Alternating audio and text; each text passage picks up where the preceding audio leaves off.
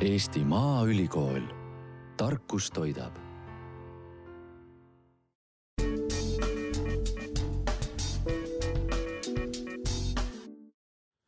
saade, mida te kuulate, on Innovaatika ja me räägime täna Eesti toidust.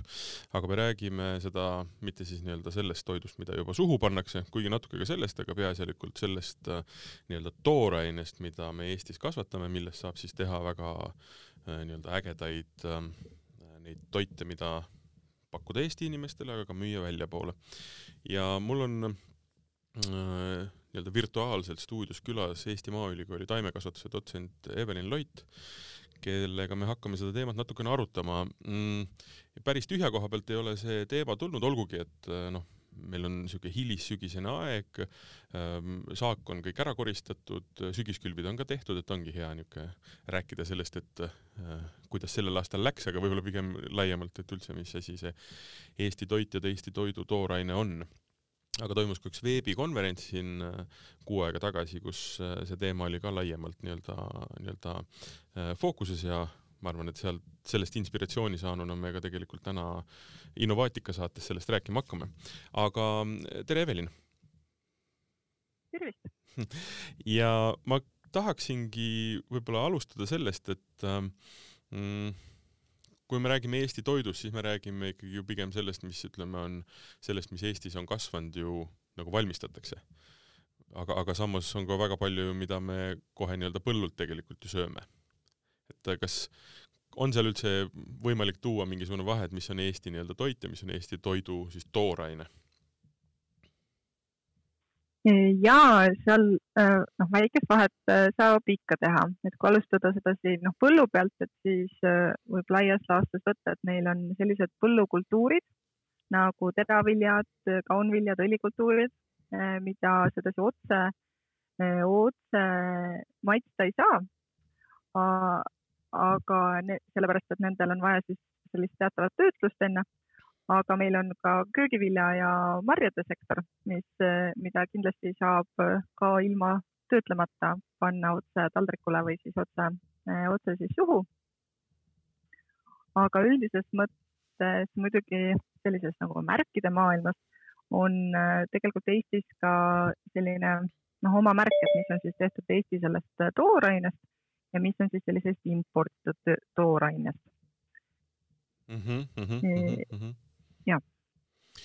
aga kui me räägime sellest nii-öelda rebust siis, eks ju, ehk et, ehk et sellest, mida Eesti muld meile kasvatab ja, ja millest me saame siis seda, neid mõnusaid äh, toite valmistada, et et kuidas kasvab Eesti toidu tooraine, kui niimoodi väga laialt äh, küsida. ma saan aru, et mõte on selles, et, et kuidas üldse läheb Eestil ja meie nii-öelda toidul, mida me kasvatame?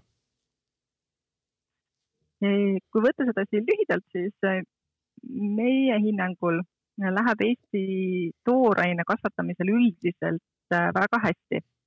et Eesti põllumajandustootjad on viimaste aastatega või noh, ütleme selle viimase kahekümne aastaga väga-väga palju arenenud. Neil on väga head teadmised, oskused ja samuti on tegelikult Eesti masinapark üsna kiiresti arenenud.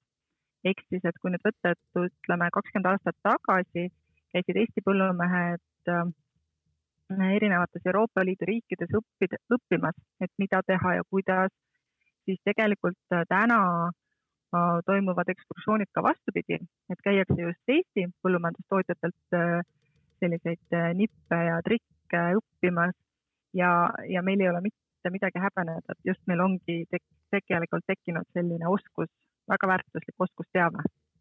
et siis võib öelda, et põllukultuuride osas läheb meil väga hästi aga saad sa tuua ka võib-olla mõne näite, kus äh, noh, võiks paremini minna? võib-olla ma siis alustan sellest, et millega me kõige paremini saame hakkama. see, et meil tuleb äh, just teraviljade kasvatamine väga hästi välja, et muidugi ka suur osa või kõige suurem osa Eesti põllumajandusmaast on teraviljadega kaetud. aga mis osas nagu natukene oleks vaja võib-olla järele jõuda, on siis köögiviljade kasvatus ja samuti ka marja, marjakasvatus ja, ja võib-olla ka äh, puuviljandus. et kus, äh, kus meil oleks võib-olla natukene rohkem vaja nii toorainet kui võib-olla ka natuke oskusi mm. -hmm, mm -hmm. aga me kasvatame väga paljut äh, sortimenti, igasuguseid äh, põllukultuure. Ähm, kui mõelda nüüd selle peale, et milline neist nagu kõige paremini Eestis üldse kasvab ja milline võib-olla kõige ei, ei ole tema koht siin, aga me ikka üritame ja millest see sõltub kõik? Et kõige paremini kasvab meie tingimustes äh, nisu, et just talinisu, aga, aga ka suvinisul läheb äh, väga hästi. et see ongi meie selline number, number üks äh, põllumajanduskultuur. aga no viimaste aastatega on eks neid kultuurivalikuid ka laienenud. aga mis on peamised tingimused, mis meie, meie piirkonnas, noh, geograafilises piirkonnas siis sellist toidutootmist või taimede kasvatamist piiravad, on siis meie talved, meie lühikesed äh, vegetatsiooniperioodid ja, ja siis äh, samuti selline jah, lühike suvi üleüldiselt. et noh, näiteks kui tuua, äh, meil oli just eile juttu välistudengitega näiteks maisist, et meil maisi, noh, saab küll mingil teatud tingimustel kasvatada, aga niimoodi, et saabki maisitõlviku, mille võib ära grillida ja ära süüa sedasi otse, otse värskelt. aga see on siiski üsna väikeses koguses, suudame me seda teha, sest lihtsalt Eesti suvi jääb liiga lühikeseks selleks, et, et see mais valmiks, et see maisitõlvik just korralikult, korralikult valmis saaks et ühesõnaga põhimõtteliselt on võimalik kõike kasvatada, aga nüüd ongi küsimus selles, et äh, mis on selle hind ja mis on see tulemus, eks ju? E, just, jah, nii võib ka, ka öelda, et, et tegelikult on ju võimalik äh, päris palju asju kasvatada ka kasvuhoonetes äh, või sellistes kinnistes süsteemides, kus saab nii soojust kui valgust ise reguleerida. aga jah, mingil hetkel see ei ole enam kulutõhus tegevus mm. -hmm. ja noh, see, see selles mõttes lisab nagu omad, omad piirangud. no viimasel ajal on noh, näiteks viinamarju hakatud ju kasvatama ja sellest valmistatakse ka veini, mis ähm, tegelikult ju tähendabki seda, et peaasjalikult need viinamarjad ei tule mitte ju avamaalt, vaid tulevadki siis äh, nii-öelda kunstlikust keskkonnast ehk kasvuhoonest ja seda ka, aga tegelikult päris paljud viinamarja istandused, just need, kes Eestis on siis võtnud selle veini tootmise suuna, nemad ikkagi kasvavad, kasvatavad viinamarja täitsa avamaal ja on võimalik saada korralikku kvaliteetset vilja. et see tegelikult on noh, osaliselt no ka ikkagi on kliima sellega seotud, et et üldiselt äh, on, ütleme siis talved natuke pehmenenud, see on üks, mis aitab kaasa. sordivalik on laienenud. Ja eks need oskused ja teadmised samamoodi, et eks viinamarjade teema on selline viimase kümne aasta teema, et ega ta väga palju pikemalt ei olegi meil olnud. Et põhimõtteliselt ikkagi ütleme, see olukord, klimaatiline olukord, mis äh, nii-öelda teataval määral muutub ja, ja nii-öelda liigub, siis tegelikult meile noh, ütleme nii, nii, nii karm kui see ei ole, on see tegelikult, tuleb kasuks, eks ju? ja, ja et kui me räägime sellisest kliimamuutusest, sellisest suurest pildist, et kuidas hakkavad olema meie talved, millised on meie suved, et siis laias laastus see on soodne põllumajanduskultuuridele, et meie hooaeg peaks minema pikemaks ehk siis, et taimedel on rohkem aega, et kasvada, areneda, teraviljadelt era täita. Ja seega võiks olla eh, võimalik saada noh, suuremaid, suuremaid saake ja kvaliteetsemaid saake just, just siis jah, Eesti piirkonnas ja noh, eks laiemalt ka see Skandinaavia laiemalt on, on sellises tuleviku mõttes praegu sellise, sellises noh, on positiivne see tulevikuvaade mm. -hmm. aga see tähendab ka seda, et äh, no ütleme, meil on siin äh, mingi väga kindlad nii-öelda Eesti sordid või, või, või ütleme, liigid, mida me oleme ju kasvatanud siin äh, aastasadu ja siis on loomulikult tulnud ka neid juurde siin viimaste sajandite jooksul, et see tähendab ka ju seda, et on oodata veel nii-öelda niisuguste uute liikide siia meie, meie põldudele jõudmist, kui kliima läheb paremaks ja, ja soodsamaks ja, ja seda kindlasti ka et kui vaadata kõigepealt natukene nagu ajas tagasi, et noh, näiteks täna on Eestis noh, üsna äh, tavaline näha rapsipõlde, millest siis õli tehakse. aga ega see on üsna, kuidas öelda, hiljutine kultuur, et põhimõtteliselt on see tulnud meil eh, raps, noh näiteks tuli kahe tuhandet, kahe tuhandete aastate alguses mm, -hmm. kui eestlased hakkasid siis rapsi kasvatama mm. -hmm. ja täna tundub see hästi selline loomulik osa meie, meie põldudest, eriti kevadeti või suve alguses, kui ringi sõita ja neid kollaseid äh, põlde näha aga veel on uutest kultuuridest meil äh, näiteks kaunviljad, et äh, hernes ja uba sellisel suurel, suurematel põldudel kasvatada. et see on ka, ütleme aastast üheksakümmend viis või umbes nii. Äh, et võrdlemisi uus on see, see trend ka. mis on veel vahva kultuur, on näiteks speltanisu.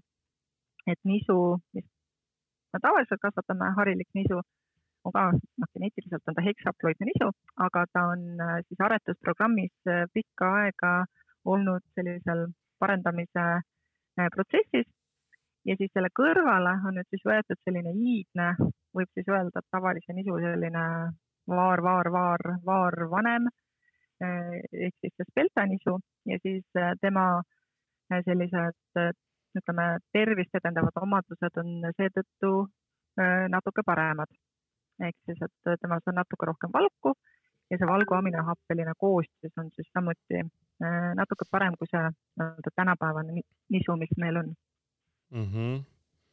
aga piltlikult tähendab see seda, et äh, kõik see, mida on siiamaani kasvatatud äh, noh, ka kasvuhoones ja, ja ja võib-olla vähesemal määral nii-öelda aedades, eks ju, noh, mitte aedades, aga ütleme, mitte nagu ka mainitud sai, et põldudel suurelt, et siis need kultuurid lihtsalt liiguvad suuremasse mahtu jah, just, noh näiteks no, seesama hernes, et varasemalt tuntud kui selline, igalühel oli noh, ikkagi oma aianurgas või, või siis vana, vanaema, vanaisa juures. et nüüd on ta siis jah, liikunud selliste hektarite noh, mitmete ja, või sadade hektarite peale mahu mõttes mm. -hmm, mm -hmm, aga mis mm -hmm. on tulemas või noh, mida me, noh, millega me töötame ka ülikoolis, on siis noh, näiteks ühe kultuurina me katsetame kinoad, et kinoa on siis ka selline ka teravili, väikese, väikese seemnega küll, aga Eestis kasvatatakse teda suurusjärk äkki kümmekond hektarit, ehk siis võrdlemisi vähe, aga senised tulemused ikkagi on üsna paljulubavad. et see noh, kinoa kui selline noh, põhimõtteliselt äh, Lõuna-Ameerikast pärit kultuur, äh, samas äh, noh, kui vaadata selliseid retsepti, retseptisoovitusi, siis seal kinoa tegelikult on päris olulisel kohal juba eestlaste menüüs. et mm -hmm. siis me püüame seda siis tuua ka kasvatamise mõttes meile lähemale mm. -hmm, mm -hmm. et selles ja mõttes... praegu mõtlen, üks teine on ja., jah. ja mul lihtsalt tuli meelde, et üks teine, teine kultuur on meil maguskartul ehk bataat mm, -hmm. mida me samamoodi püüame siis äh, katsetada, et noh, missugused sordid, missuguse agrotehnoloogiaga annaksid siis sellise arvestatava saagi, et noh, jällegi hea selline mitmekesistamise mõttes lisand eestlase toidulauale mm. -hmm, mm -hmm. piltlikult see, mis äh, kõik praegu räägitud sai, äh, tõestab seda, et kuna see sortiment laieneb, siis tegelikult seda probleemi ei ole, et Eestis ei suudaks iseennast ära toita meil kasvava toidukraamiga, eks ju? Üldiselt küll, et kui me võtame niimoodi, et äh, noh, sellist mitme aasta keskmist, et siis igal juhul teraviljadega, mis siis puudutab nisu, rukist, otra, kaera, nendega Eesti põllumajandustootja äh, katab kindlasti eestlaste äh, noh, praegused vajadused, arvestades, et kui palju meil praegu on noh, meie rahvastiku arv. Ja no tegelikult isegi me toodame kõvasti üle, ehk siis, et põhimõtteliselt öeldakse, et kui sada protsenti oleks vaja, siis see tootlikkus on meil ütleme sada viiskümmend protsenti. aga nüüd, mis puudutab teisi kultuure, ehk siis äh, näiteks äh, köögivilju, marju ja puuvilju, et siis seal meie selline isevarustatuse võime on oluliselt madalam. et see on nagu see koht, kus noh, kus me päris üksi, üksi hakkama ei saa, vähemasti praeguse seisuga. ja eks ta natuke muidugi ka hooajaline, ehk siis, et kui võtta noh, praegust aega, et siis ei saaks öelda, et kohalikku Eesti õuna näiteks ei ole. aga kui ajast liikuda, ütleme veebruarikuusse, siis see pilt enam nii ilus ei ole mm. -hmm, mm -hmm. no seda muidugi ei saa tõenäoliselt kunagi loota, et me ähm, et veebruaris ka veel äh, õunad kasvavad puu otsas või, või nad teevad seda detsembril, äh, detsembris, et me saaksime siis panna nad nii-öelda pikemaks perioodiks seal päris talveks äh, nii-öelda salve, et et neid sealt võtta, et see vist ja ma loodan, et nii hulluks see kliimaolukord ei lähe, aga, aga tõenäoliselt jah, pikeneb, et et äh, saak lihtsalt valmib hiljem.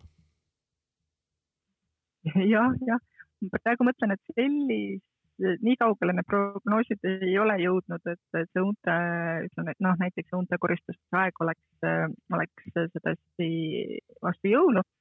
aga küll, aga mida Eesti õunaaretajad teevad, on siis see, et nad aretavad õunasorte, mis oleksid vastupidavamad või noh, mis oleks siis paremate säilitamisomadustega mm. -hmm. et see on küll Äh, töös ja mis võiks sedasi, ütleme, ma ei tea, ütleme kümne aasta perspektiivis täiesti olla, olla olemas, et ka Eesti õuna võib edukalt säilitada kasvõi veebruarini. ja noh, tegelikult mõned õunad on isegi täna sellises aretusaias olemas, et, et meil on ka üks, üks töö just Polliga, kus siis see unt, unte aretus, unte aretus käimas ja siis just sellel kevadel tegin ka pilti selliste õitsevate ülaste keskel sellise väga ilusa Eestis kasvanud õunaga mm, -hmm. mis mhm. maitses ka hästi. mis oli ilusti talve üle elanud. jah, just mm. -hmm. et äh, noh, ja täna on ta aretusaias, aga põhimõtteliselt on võimalik seda aretuse teel saada ka selliste levinumate, levinumate õunasortide sisse siis seda lisaomadust. see on jah üks pool on ju see, et oleks võimalikult nii-öelda soodsad tingimused, et kasvaks hästi ja kasvaks palju ja kasvaks kvaliteetselt, eks ju.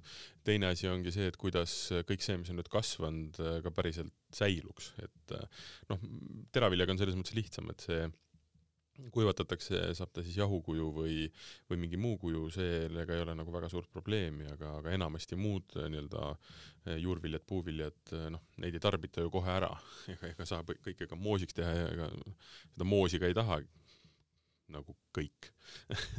Et selles mõttes see töö, et, et kuidas säilitada nii-öelda toorainet üle talve ja süüa seda ka kevadel, see on hästi-hästi oluline, sest et see talvine nii-öelda toidulaud oma niisuguselt rikkuselt noh, on, on, noh, täna muidugi on hoopis teine olukord, aga ütleme, põhimõtteliselt on eestlasel alati niisugune üsna ahtake olnud. just, just on ja seda noh, ka just äh, sellised välismaa tudengid, kes meile tulevad, näevad, et, et see sellise värske, värskete köögiviljade osakaal noh, on võrdlemisi väike, noh, kasvõi näiteks ülikooli kohvikus ja siis seal on ka domineerimas siis kartul ja, ja kapsas mitte kartul, vabandust, porgand ja, ja kapsas peamiselt mm -hmm. noh, me oleme osanud hapendamist enda kasuks ära pöörata, mis on meid äh, igasugustest jamadest äh, talvel ikkagi päästnud ja, ja just ja tõenäoliselt see ka jätkub. ja see kindlasti jätkub jah. ja, ja, ja lihtsalt nüüd oleks, nüüd oleks äh, tõesti hea, kui saaks äh, veebruaris-märtsis võtta veel nii-öelda tallele pandud äh, pirni, õuna ja, ja kartulit selliselt, et sa ei pea seal väga valima, mis läheb toidulauale ja mis läheb kuskile mujale, eks ju mm,. jah. aga kui korraks vaadata veel otsa sellele nii-öelda tooraine kasvatamisele, siis äh, kui vaadata viimase, ma ei tea, mõne-kümne aasta niisugust muutust, et kui oluliselt äh, on see niisugune ütleme, mahu ja siis efektiivsuse tõus olnud. tõenäoliselt on see tulnud äh, sellest, et äh, lihtsalt tehnoloogiad on paranenud, äh, vahendid on paranenud, sort on nii-öelda noh, seeme on kindlasti paranenud, eks ju. kui, kui suured need muutused, drastilised muutused on olnud? Ehm, no kui võtta nüüd näiteks teraviljade saagikus. et siis, kui me võtame aasta, noh, ma ei tea, üheksakümmend neli või noh, ütleme sinna üheksakümmend üks, üheksakümmend kaks, et siis äh, teraviljade saagikus oli seal ütleme tuhat viissada kilo ehk siis üks koma viis tonni, noh kuni kaks tonni ühe hektari pealt. mis, äh, kui, kui võrrelda siis sellise ajaga, mis oli äh, sada aastat tagasi, siis oli keskmine saagikus teraviljadel sama mm. -hmm. siis noh, see üheksakümmend neli või noh, siis oli meil noh, väga palju parem, aga siis sealt alates on see, äh, ütleme, mm, kui võtta sedasi mm, mingit aastaarvu tahta sinna panna, et siis ütleme aastast kaks tuhat neli on siis see saagikus äh, hakanud meil, äh, meil tõusma. ja noh, nüüd võib öelda, et keskmine saagikus on meil noh, kaks korda enam, neli tonni hektarilt, mis, millega võib-olla Kesk-Euroopas ei lähe võistlema, aga samas see keskmine, noh, mis on selline, kõlab statistika ja muude arvude sedasi mm, mudimise teel, et tegelikult need meie maksimumid on kindlasti tõusnud, et põhimõtteliselt saab Eestis ka kaksteist tonni hekt-, kaksteist tonni saaki hektarilt, äh, mis selliselt, selliselt äh, noh, on täiesti arvestatav äh, kogus ka noh, võiks olla Kesk-Euroopas või Inglismaal mm. -hmm et põhimõtteliselt äh, Eesti muld äh, ja siis Eesti süda nagu võtta väga luuleliselt, ehk et siis see, kus kasvatatakse ja need, kes kasvatavad, et suudavad väga ilusti toota mm, väga nii-öelda kõrgel tasemel äh, eestlastele toitu, nii et jääb endale ja saab ka välja müüa. E, just, just. et see selline tooraine tootmine, see tuleb meil väga hästi välja mis toob meid tegelikult nüüd teise punkti juurde, et üks asi on nii-öelda mahud ja oskus äh, midagi kasvatada ja ja, ja, ja et oleks, äh, millest toitu valmistada või otse see põllult suhu panna. teine hästi oluline küsimus on selle kõige kvaliteet, sest et äh, noh, see peab olema mm, noh, maht, maht ainuüksi ei, ei ole, ei ole oma, väärtus omaette, eks ju. et ähm, milline on mm, meie nii-öelda siis selle kasvatatava toidutooraine kvaliteet täna? Et siin nüüd ka, kui me oleme teinud selliseid äh, kokkuvõtteid või niimoodi, et siis äh, Eesti teravili on ka hästi kõrge äh, kvaliteediga. siin muidugi on, et see kvaliteet on selline äh, hästi lai mõiste, et ka sordiaretuses, et alati see kvaliteet, see sõltub sellest konkreetsest omadusest, et kas see on tarbija, kes tahab mingit konkreetset äh, kas äh, maitset või siis rohkem valku või siis rohkem vitamiine või on see tööstus, kes tahab mingit asja. aga noh, näiteks äh, teraviljade juures on pandud äh, noh, näiteks Eesti, Eesti siis noh, veskid on pannud paika sellised teatud kvaliteedinõuded, mis on vajalikud noh, ütleme näiteks toidunissule, et, et selleks, et oleks selline kõrgema kategooria nisu siis on seal teatud asjad, et üks on noh, näiteks mahukaal, sest siis tähendab seda, et noh, põhimõtteliselt, et mida ras-, suuremad ja raskemad terad, et seda siis äh, rohkem või noh, seda raskem on siis üks liiter äh, seda vilja.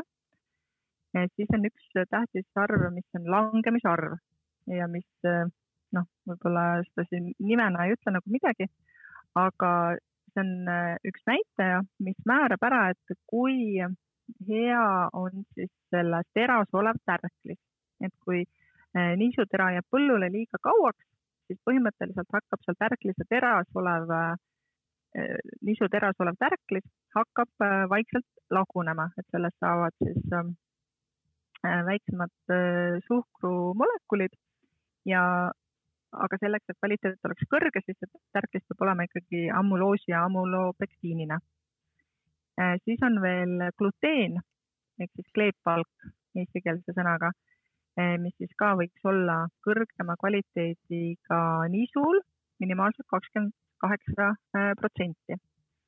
ja see siis on vajalik selleks, et kui see nisu läheb ükskord siis tööstusele, kes sellest saia küpsetab, et siis tööstuse jaoks on oluline see kleepvalgu osakaal ehk siis, et kleepvalk vastutab selle eest, et see sai, sai, vabandust, taigna struktuur oleks selline, et ta saaks kerkida, et sinna see, need gluteeni valgumolekulid tekitavad nagu sellise võrgustiku ja siis, kui pärm, pärm seal all või noh, taigna sees toodab süsihappegaasi, siis ta kergitab seda võrgustikku, mis siis gluteen on omakorda loonud. Ja sellepärast on see gluteen oluline. kui gluteeni on vähe, siis sai nii hästi ei kerki ja jääb niisugune noh, selline sitke ja selline ühesõnaga saia maht ei ole väga kõrge ja ta on selline mitteõhuline ja mm -hmm. viimane näitaja on proteiin, mis siis noh, võiks esimesel kategoorial olla, öeldakse minimaalselt nagu neliteist protsenti ja see siis samuti näitab või noh, on oluline selleks, et kui sellest edasi tehakse näiteks saia, et siis on vaja rohkem proteiini mm. -hmm, mm -hmm. ja, ja kui nüüd võtta, et kuidas Eesti viljal keskmiselt on, et kui noh, vähegi on ilus aasta, siis ikkagi Eesti, Eesti nisu enamasti sellesse kõrgemasse kategooriasse äh, läheb. ei saa nüüd öelda, et alati kõik ongi see kõrgema kategooria nisu, aga, aga noh, noh, kes vähegi, kes vähegi sellist kvaliteetset nisu kasvatab, et ma tavaliselt selle tulemusega saab mm. -hmm, mm -hmm. aga ütleme juurviljade pool kuidas seal kvaliteet on ja kuidas seda mõõdetakse? pean nüüd tunnistama, et ma seda juurviljade maailma tean natuke mm -hmm. vähem, ehk siis, et ma praegu kohe ei oskagi peast öelda, mis nende need kvaliteedi äh, on, et seal on noh, mis tuleb küll juba isegi Euroopa Liidust, on selline suuruse teema ja, või noh, nagu kuju teema. Mm. Ehk siis, et sellised, ütleme, väga kõverad või, või sellised mitte ilusad tooted, et, et need äh, tegelikult viivad selle toote nagu madalama kvaliteediklassi. Äh, aga sellises keemilises mõttes ma ei oskagi kohe, kohe peast sedasi öelda köögiviljade mm. valdkonda. aga kui jääme nii-öelda siis vilja juurde, siis äh, kuidas seda kvaliteedi tagatakse? sest et äh, ma olen kunagi ka rääkinud nii-öelda mulla inimestega, kes noh, ütleme Eesti mulla suhtes nad ei olnud veel väga nii-öelda äh, kriitilised, aga tegelikult see on probleem, et äh, lihtsalt äh, see pealmine nii-öelda meile toitu kasvatav ja üleüldse nii-öelda loodust äh, üleval hoidev pealmine mullakiht äh, ikkagi noh, selle, selle eluiga on ikkagi mingi kindel arv äh, aastaid, mingi kindel arv külve, eks ju. et et, ähm, et kuidas seda, kuidas seda kvaliteeti hoitakse? et kvaliteedi jaoks mm, noh, nagu me tavaliselt taimekasvatuse tudengitele ütleme, et tuleb lihtsalt teha õigeid asju õigel ajal ja õiges kohas. aga kui võtta niimoodi noh, noh, üks selline tähtis komponent kindlasti teraviljast on seesama proteiin. ja kui mõelda, et noh, proteiin, noh, miks inimesed proteiini söövad, on see, et proteiini, proteiinist ehk valgust on suur osa siis äh, lämmastik. Ja sedasama lämmastikku, ühesõnaga ja lisaks ka fosforit ja kaaliumit ja teisi toitaineid, et neid peab siis omakorda ka taimele andma. et seda me oleme või noh, see on selline äh, ammu nagu teada, et selleks, et saada kõrgemat proteiini protsenti, äh, peab siis kindlasti taimele tagama ka toitainetega, eeskätt siis äh, lämmastikuga varustatuse. et noh, siinkohal ei ole vahet, et kas lämmastik tuleb siis äh, sennikust või kompostist või, või siis mineraalväetisest, aga no lihtsalt on seda vaja taimele. ja mõnikord tehakse ka või noh, taimekasvatuses on võimalik teha selline ekstra selline lämmastikuga väetamise ring siis taimele, noh, tehaksegi seda siis suve, ütleme teises pooles, selleks, et just kindlustada, et vot, et see proteiini tase oleks äh, kindlasti siis üle neljateist äh, protsendi. Et noh, see küll nagu on siis nendel võimalik teha, kes mineraalväetisi kasutavad, aga noh, üldiselt on siis taimede äh, toitmine vajalik selleks, et siis ka see proteiini kvaliteet oleks hea mm. -hmm mm. -hmm. mis seda tärklise poolt puudutab, et äh, siin on, äh, siin on rohkem, noh, siin nii palju, noh, põllumees saab ka natuke teha, aga seal on kõige tähtsam õigeaegne koristamine ehk siis, et kui põhimõtteliselt, et kui nisu saab valmis, siis peaks ta ka esimesel võimalusel saama koristatud. kui koristamine viibib, ta võib viibida siis sellepärast, et Äh, näiteks tekivad sellised sajusemad äh, ilmad vahepeale ja seetõttu ei saa kombainiga minna põllule. võib äh, viibida sellepärast, et keegi, ühesõnaga, et teised kultuurid on juba eesjärjekorras, ehk siis, et noh, kombain saab korraga olla ühel põllul ja siis see niisu ootab seal põllul ja siis mida kauem ta ootab, siis seda suurem on risk, et see langemisarv läheb madalaks, ehk siis, et see tärklis hakkab seal teras ära lagunema mm. -hmm.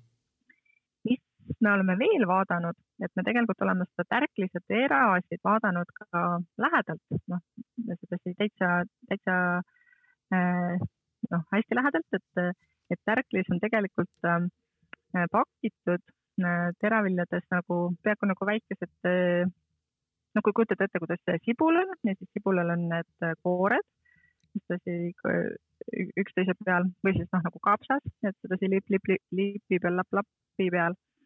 Et tegelikult ka tärklis ja terad tehakse niimoodi samamoodi kiht kihi haaval. ja mis me oleme näinud, on siis see, et mida äh, kauem on nisul või mida pikemalt äh, on nisul siis see periood, mis on õitsemise järel äh, kuni küpsemiseni, et mida pikem see aeg on, seda rohkem äh, siis on nisu selles lõplikus valmis teras neid kõige pisemaid tärklise terasid. Noh, tärklise terad võivad olla pisikesed, keskmised või siis suured. ja siis põhimõtteliselt see aasta ilm, aasta temp-, noh, suvi, suvine temperatuur, see siis natuke mõjutab seda, et kuidas need, millised tärklised terad seal nisu tera sees on. ja otsime me, äh, otsime me siis nii-öelda seda väikest tera, jah? see on eelistatud? Ja see on vähemasti tööstuse poolt äh, võiks olla eelistatud mm, -hmm. sellepärast et mida rohkem on väikeseid tärklise terasid, siis seda rohkem on sellist eripinda, mis tähendab seda, et kui hakata tainast tegema, siis äh, tainas seob vett paremini mm -hmm. ja siis see taig, taigen saab kiiremini valmis ja peaks olema siis, noh, see peaks olema parem. see, kas ta seda siis sööjale ka midagi tähendab, et seda ma täna ei oska veel seda ma täna veel ei oska öelda. Nojah, samas kui sööjal on, soo-, sööjal on kogemus samasugune, siis tuleks ikkagi jah, noh, ütleme, mm, mõelda ka selle tootja peale, kes saab äh, parema ja kiirema ja, ja nii-öelda tänu sellele ka tõenäoliselt odavama nii-öelda toote pakkuda, eks ju. aga kas ma sain siis õigesti aru, et, ähm, et äh, selleks, et need väiksed äh, siis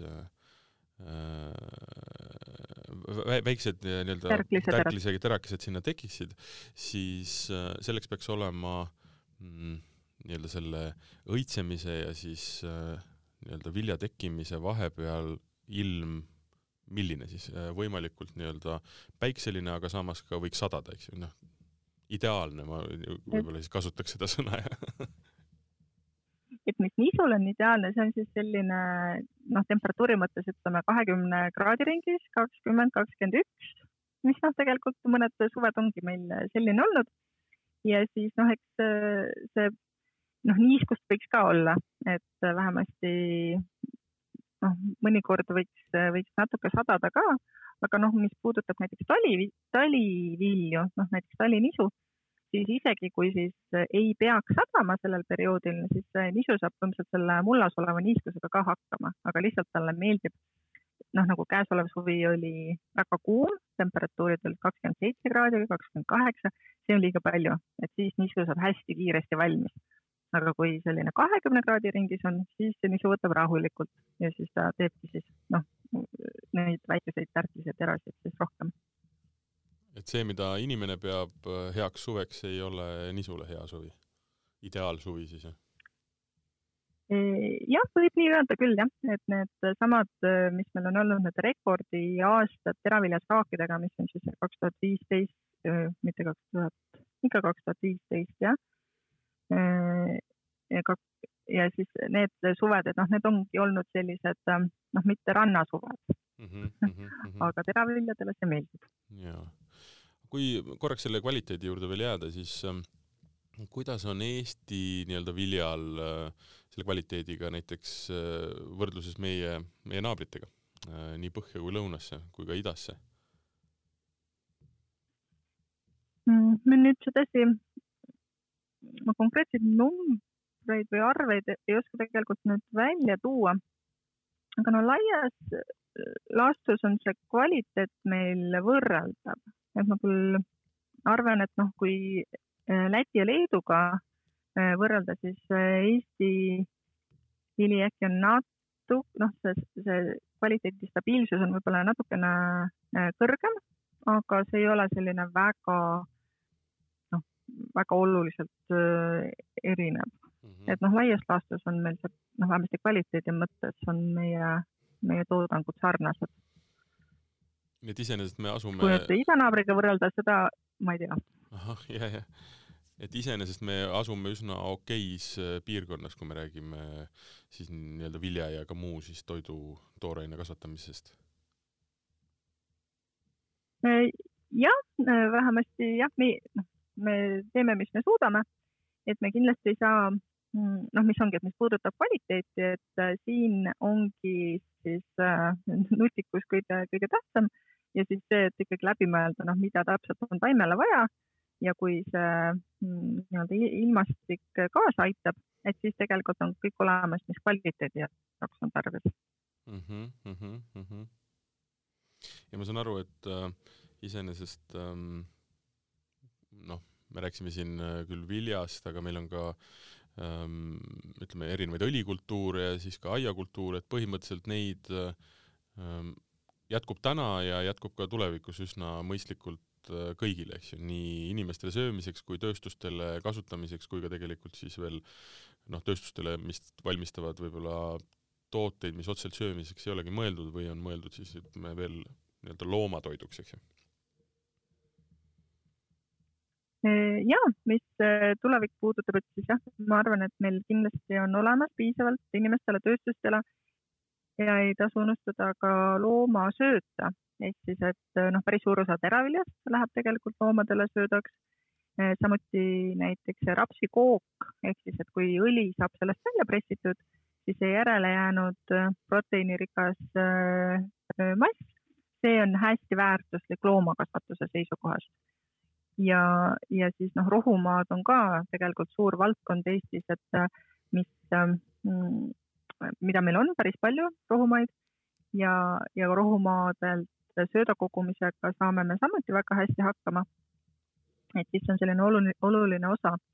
ja kui mõtelda sellises biomajanduse kontekstis, siis tegelikult eduka taimekasvatuse aluseks ongi koostöö loomakasvatusega, sest kõige mm, nii-öelda see sõnnik on tegelikult hästi oluline toitainete allikas äh, taimekasvatuse äh, seisukohast. kahjuks meil küll ei jagu sõnnikut kõigile, aga vähemasti noh, need, kellele jagub, et noh, nende jaoks kindlasti on see, see hästi-hästi oluline nii, nii saagi tagamises kui ka kvaliteedi tagamises mm. -hmm see nii-öelda ringmajanduse või, või koostööteema on ju hästi-hästi oluline ja tõuseb aina enam äh, nii-öelda pilti ja, ja, ja ka see nii-öelda biodünaamilisus, eks ju.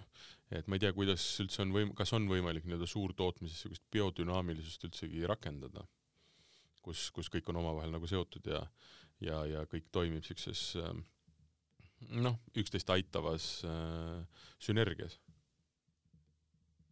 ikka on võimalik äh, seda rakendada, et ükskõik, et kui suur, suur või väike see tootmine on, et äh, ega ka Eesti äh, noh, muidugi sellel igal noh, sellisel viljelusviisil on omad teatud reeglid, et kas ta siis on maheviljelus, on see biodünaamiline.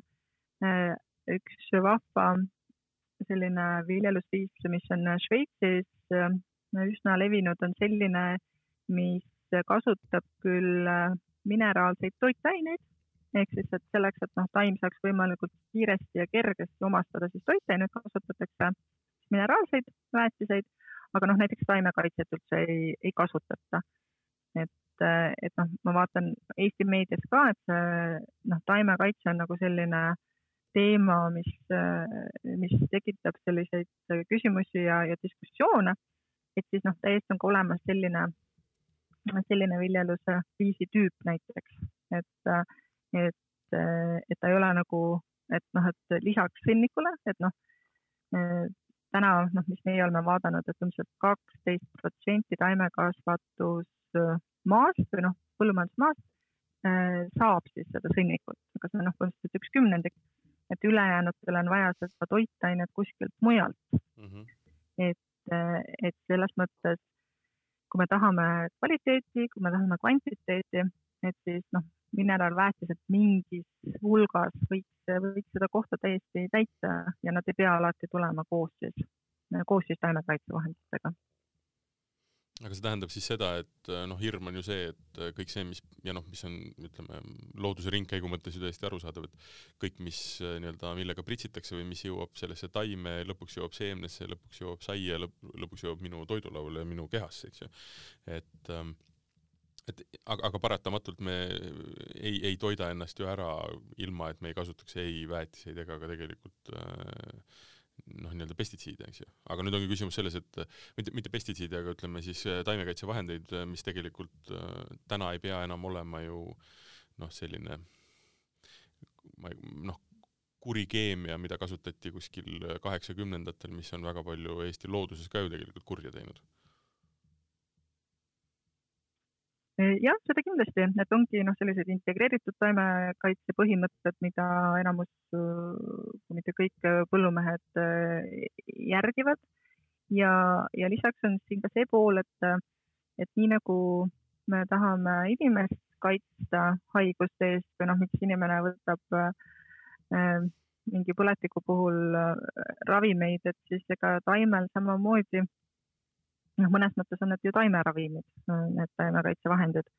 et, et selle kõrval noh, üks näide nagu nende fusaariumitega, mis on selline seenhaigus äh, taimedel, aga ta võib omada, see haigus ise siis, et kui, kui ta saab jällegi sõltuvalt soodsatest ilmastikuoludest, kui ta läheb levima, siis tekitab ta probleeme mükotoksiinide näol, mis ei ole sugugi tervislikumad kui noh, taimekaitsevahendid, et et siin noh, lõpuks ma arvan, et äh, tuleb võtta selline sobiv, sobiv kompromiss tuleb leida. et, et kuidas me saavutaksime kõik need eesmärgid, mis me tahame täita riigina. aga samas huvitaval kombel Eesti toit on äärmiselt populaarne, mis tähendab seda, et äh, eestlane usaldab Eesti toitu, eestlane usaldab Eesti põllumeest, kes selle toidu ja selle tooraine on talle kasvatanud, et et olgugi, et jah, on ka olnud kuulda nii-öelda mm, vastak, vastakus sellele, et, ähm, et kasutatakse mingeid aineid ja et ei peaks seda vähem tegema ja võiks olla väga nii-öelda biodünaamiline ja hästi öko, siis tegelikult see niisugune populaarsus Eesti toidul on ikkagi ülimalt kõrge, mis on, mis on suurepärane. jaa, just, see on, see on tõesti nii ja ma arvan, et see osalt on tingitud Eesti sellisest väiksusest ja sellest, et, et noh, päris paljud need tootjad on inimestele ka teada.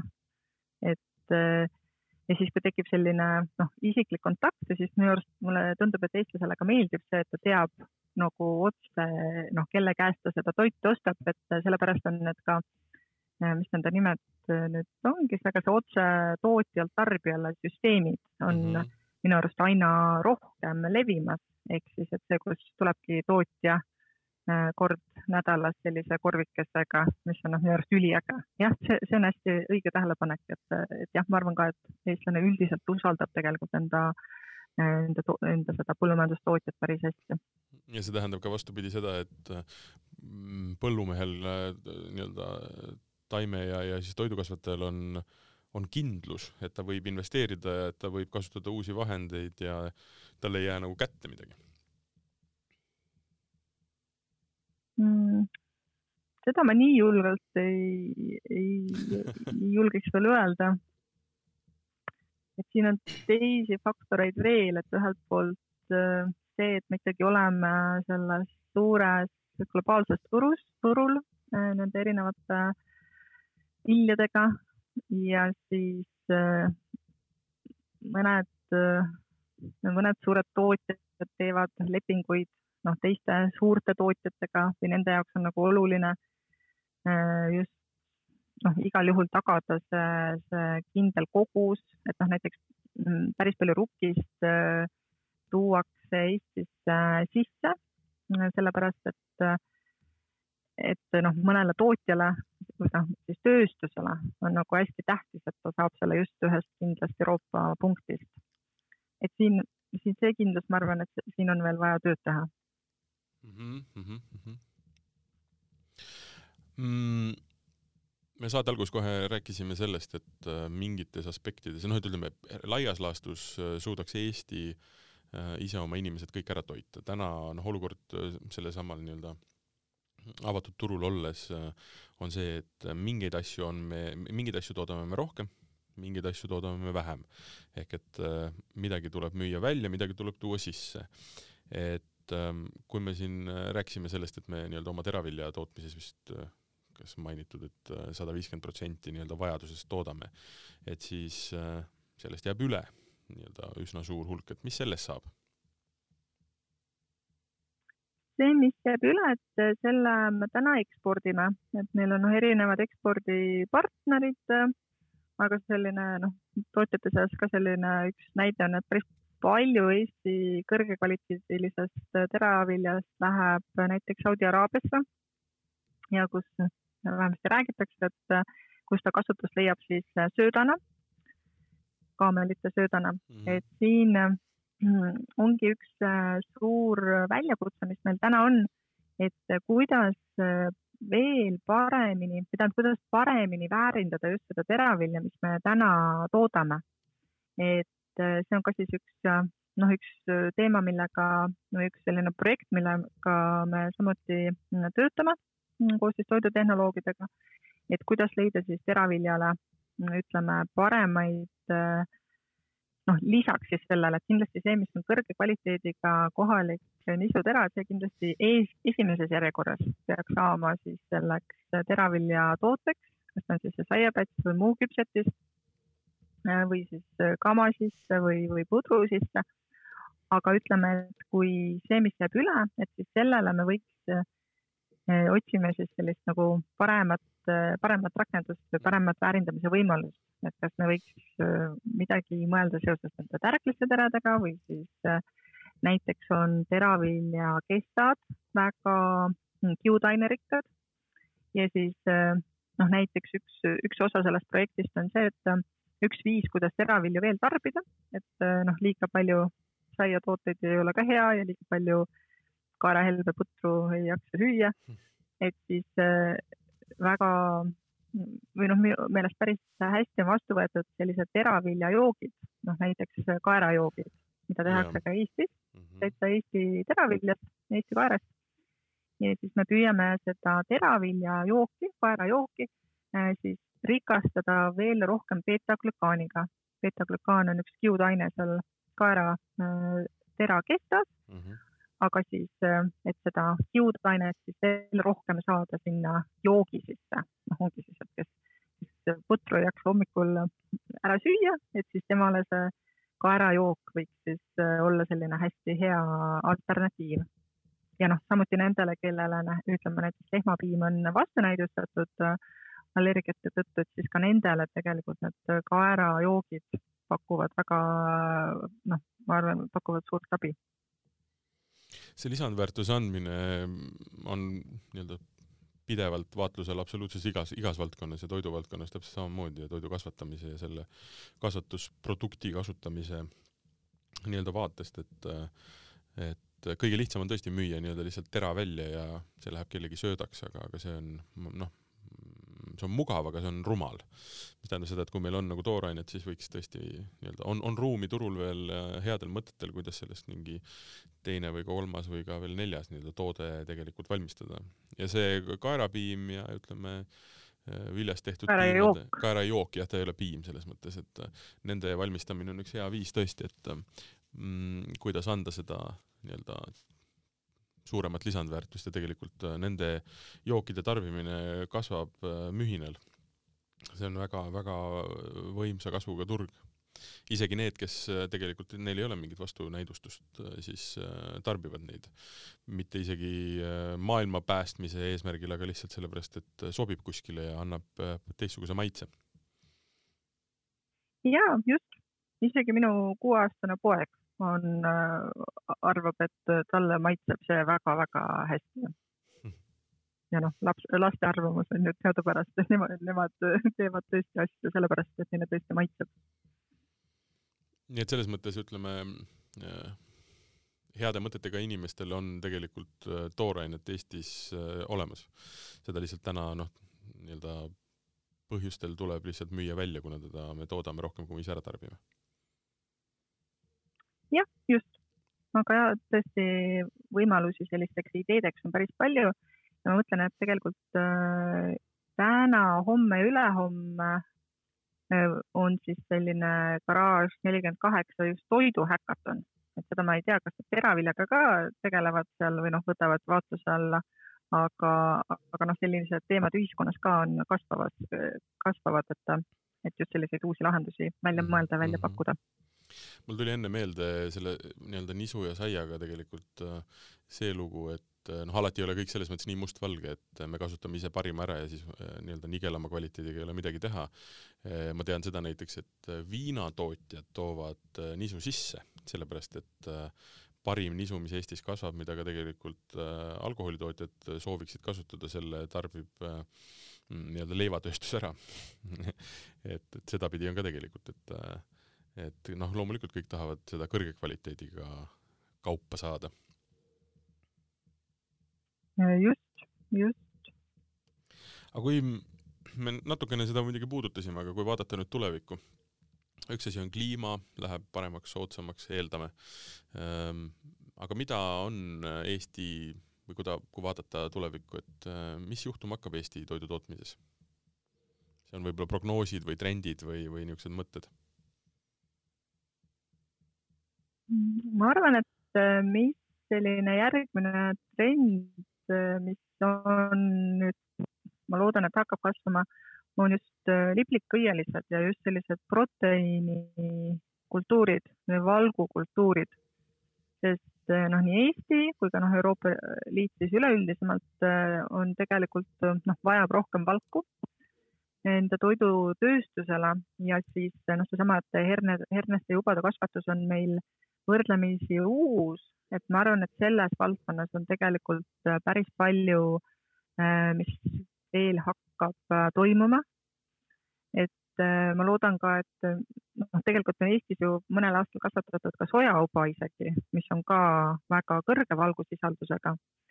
aga noh, paar aastat läheb veel aega, kuni see, kuni, kuni ta tegelikult jõuab ikkagi ka valmis saada Eesti tingimustes korralikult aga noh, võimalik, et ka kohalik sojauba tuleb rohkem, rohkem meie põldudele. aga noh, üleüldiselt see valgu teema on kindlasti järgmine mm. -hmm.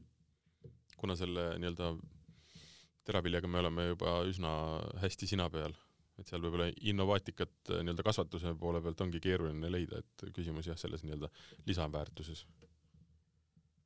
mm, just jah, teraviljaga me saame hästi hakkama, meil on päris palju teadmisi kuigi noh, see innovaat-, innovaatiline osa kasvatuse poole pealt toimub ka, ma arvan, iga-aastaselt, et, et täna me suudame koguda andmeid, noh, seirata mulda, seirata siis mulla niiskustaset ja omakorda seeläbi siis otsustada või planeerida paremini näiteks väetamist, et selline noh, täppisviljelus et kuidas anda siis just nendele taimedele väetist, kes seda kõige rohkem või noh, kes kõige paremini seda siis väärindaks, noh omakorda siis saagiks.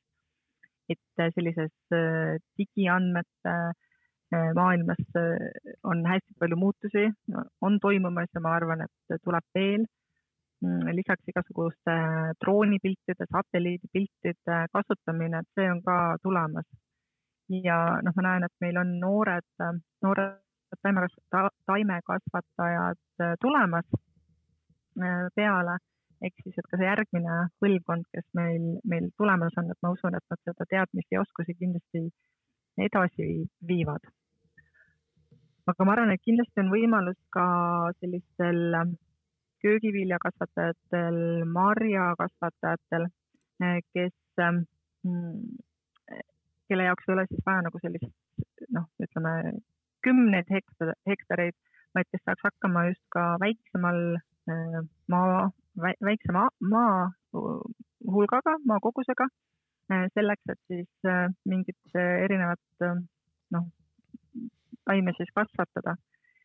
ja see, ma arvan, siis nagu parandab ka meie seda isevarustatuse taset kindlasti mm. -hmm. et laias plaanis on tulevik helge võib nii öelda? mina arvan küll, mina praegu vähemasti näen küll, et taimekasvatuse tulevik on just helge. et kliima soosib, on tulemas peale noori inimesi, tarkust ja, ja mis, mida me küll ei puudutanud, aga mis on tegelikult äärmiselt oluline, võib-olla jah, teraviljaga on see niisugune natukene võib-olla tahaplaanile jäänud, aga on hästi palju uusi ju valdkondi, kus on, mis nõuab uut toorainet. noh, me räägime siin äh, noh, räägimegi veinist, siidrist, äh, õllest, miks mitte, eks ju, et äh, mis, mis loovad äh, vajaduse ka nii-öelda tooraine järgi, noh, me räägime siin täna odrast, õlle, õlleodrast, mis tegelikult tuleb ju mm, välismaalt.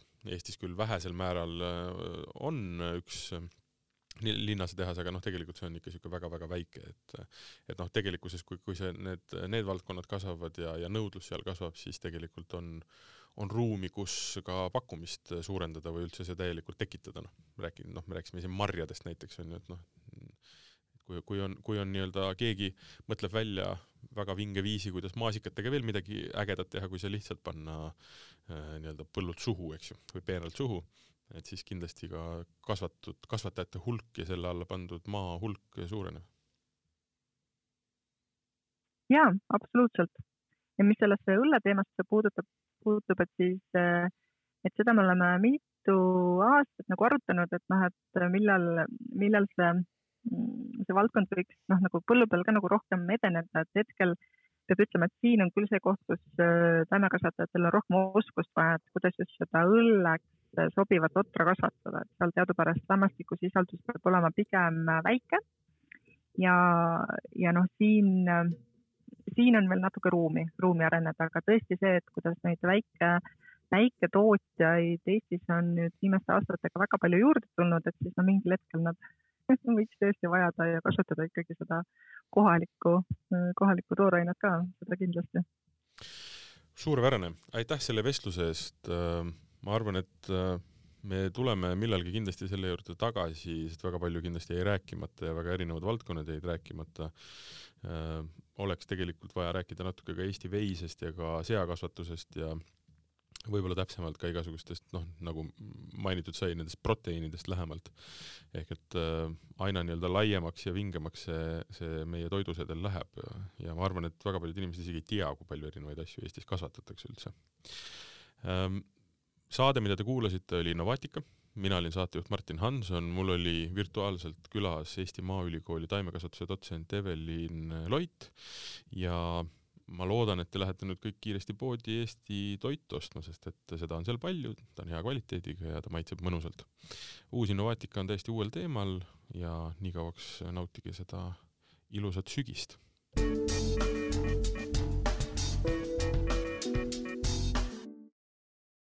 Eesti Maaülikool, tarkus toidab